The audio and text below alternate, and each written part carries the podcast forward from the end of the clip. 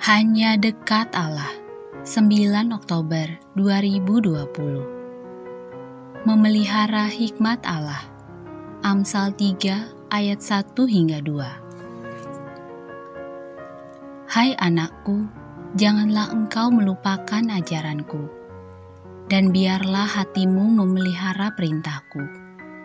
Karena panjang umur dan lanjut usia, serta sejahtera akan ditambahkannya kepadamu Demikianlah nasihat penulis kitab Amsal.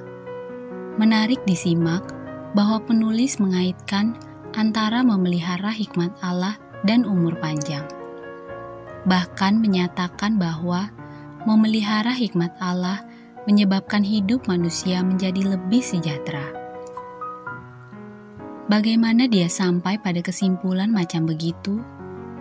Mungkin penjelasannya bisa begini Sejatinya manusia normal selalu ingin melakukan apa yang baik, yang benar, juga yang tepat. Ketika itu tidak dijalani, maka dalam hatinya akan muncul perasaan bersalah. Merasa bersalah karena menyadari sudah tak lagi berada dalam rel ilahi.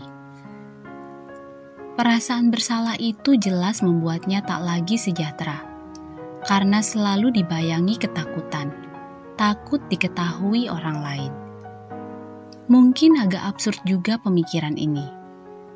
Kadang manusia merasa aman-aman saja, juga nyaman ketika kejahatannya cuma diketahui Allah. Rasa takut itu sering kali membuat manusia tak lagi mampu menikmati hidupnya. Ya, itu tadi, karena takut ketahuan. Sejatinya orang macam begini, meski masih hidup, sebenarnya tak lagi merasa hidup. Tak ubahnya seperti orang mati saja. Apa enaknya menjalani hidup macam begini?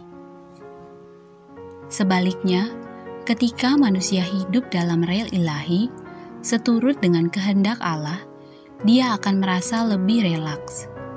Tak ada yang perlu ditutup-tutupi, baik di hadapan manusia apalagi Allah.